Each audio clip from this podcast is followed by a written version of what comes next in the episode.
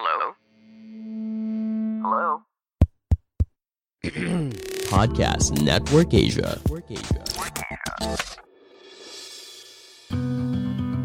Hai, sekarang Stoicast ID sudah didukung oleh Podcast Network Asia. Buat teman-teman yang ingin mempelajari lebih lanjut tentang podcast atau kalian ingin tahu gimana caranya memonetisasi podcast, boleh banget loh kepoin dan ikuti media sosial Podcast Network Asia atau melalui situs web di podcastnetwork.asia. Dan untuk mempermudah proses monetisasi, daftarkan podcast kalian di podmetrics.co secara gratis.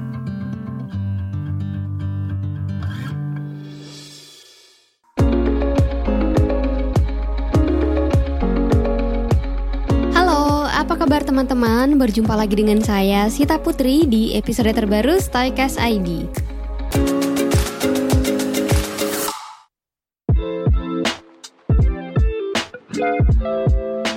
Episode kali ini adalah segmen baru dari Stoicast ID dengan nama Stoicast Anime. Di segmen ini, aku bakal bahas ciri seorang stoik dari sudut pandang karakter yang ada dalam suatu anime. Dan karakter anime yang akan aku bahas di episode pertama segmen ini berasal dari anime yang sangat populer di kalangan penggemar secara umum, yaitu Attack on Titan atau Shingeki no Kyojin. Nah, buat kalian yang belum pernah nonton, aku bakal kasih tahu duluan karena kemungkinan besar episode ini bakal ada spoiler. Oke, sebelum kita mulai bahas, jika teman-teman merasa podcast ini bermanfaat, jangan lupa kasih rating untuk Stoicast ID dan share podcast ini ke teman-teman kamu ya, agar Stoicast ID bisa menjangkau lebih banyak pendengar yang ingin mempelajari tentang stoikisme. Nah, anime Attack on Titan atau biasa disingkatnya itu AOT.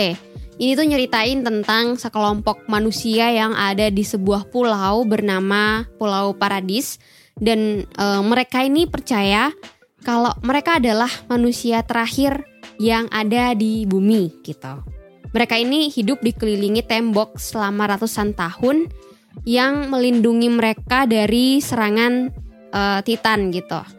Meski sudah ratusan tahun terlindungi gitu ya dari serangan Titan, namun suatu hari ada Titan yang berhasil menyerang tembok di Pulau Paradis ini gitu.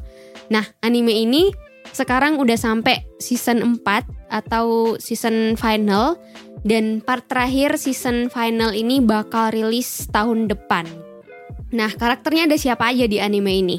Di AOT ini ada beberapa karakter ya, tapi fokus utamanya itu pada karakter yang bernama Eren Yeager gitu.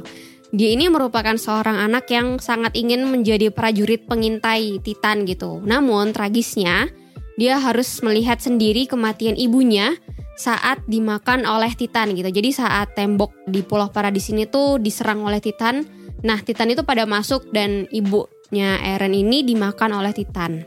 Karakter lainnya itu juga ada Mikasa Ackerman, ada Armin Arlert, Rainer Brown, Levi Ackerman, Hanjizo, Sasa Browse dan masih banyak lagi. Banyak banget ini ya karakternya. Tapi kita nggak akan bahas semua. Karena aku hanya milih beberapa aja gitu. Siapa sih karakter yang punya ciri khas seorang stoik gitu? Kalau menurut aku nih ya menurut aku itu Mikasa dan Levi Ackerman mereka ini adalah seorang Ackerman gitu. Karena gini menurutku kalau Mikasa kenapa dia bisa disebut uh, apa ya seorang stoik dia kalau bertindak tindakannya itu mesti ada alasannya gitu. Hampir semuanya itu berdasarkan logika dan dia tuh bisa mengontrol emosinya dengan sangat baik. Contoh yang ada di scene season 1 kalau nggak salah episode 7 itu dia bilang uh, gini ke Armin ketika Mikasa nganggep Eren tuh udah mati karena dimakan Titan gitu. Kayak ini spoiler. dia datengin Armin yang lagi nangis dan dia bilang Armin ambil napas yang dalam ini bukan waktu yang tepat untuk emosional gitu. Dan dia langsung meyakinkan teman-temannya yang sesama prajurit ini untuk menyerang Titan gitu. Jadi posisinya di sini Mikasa, Armin dan yang lain-lain itu termasuk Eren tuh udah jadi prajurit uh, pengintai gitu ya istilahnya, prajurit pengintai Titan gitu.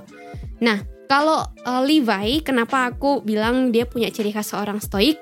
selain karena dia tuh seorang kapten di prajurit pengintai, ada satu scene yang paling aku inget gitu. Nah, scene ini ada di season 1 juga, kalau nggak salah episode 20-an, ketika prajurit pengintai bawahannya itu, bawahannya Liva ini bertarung lawan Titan wanita.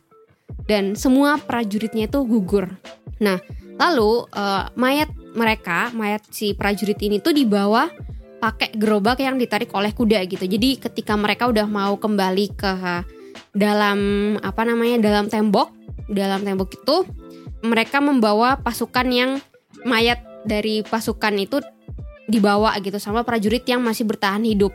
Tapi karena pasukan uh, mereka ini dikejar oleh Titan, Levi akhirnya menyuruh pasukan lain buat ngurangin beban gerobak dengan ngelempar mayat pasukannya sendiri gitu.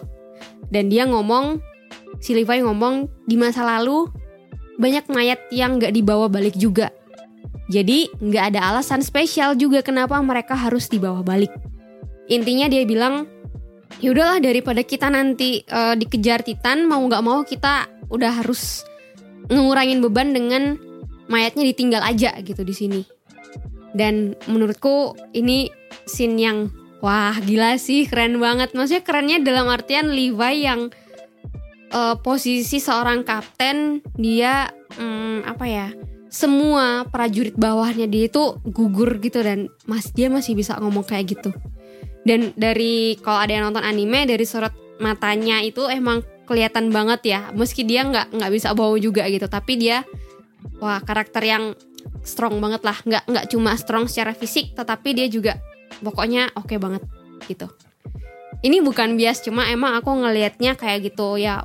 Tapi secara umum memang banyak sih fans-fans yang suka dengan Levi ini. Oke okay, mungkin dua karakter ini ya yang menurutku paling nunjukin ciri stoik.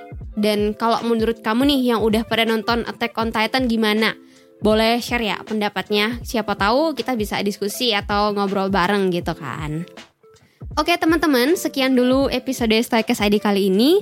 Terima kasih sudah mendengarkan hingga selesai.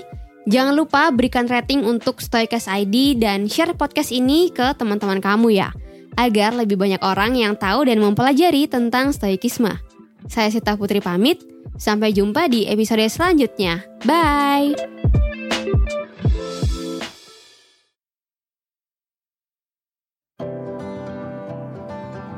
Pandangan dan opini yang disampaikan oleh kreator podcast, host, dan tamu tidak mencerminkan kebijakan resmi dan bagian dari podcast Network Asia.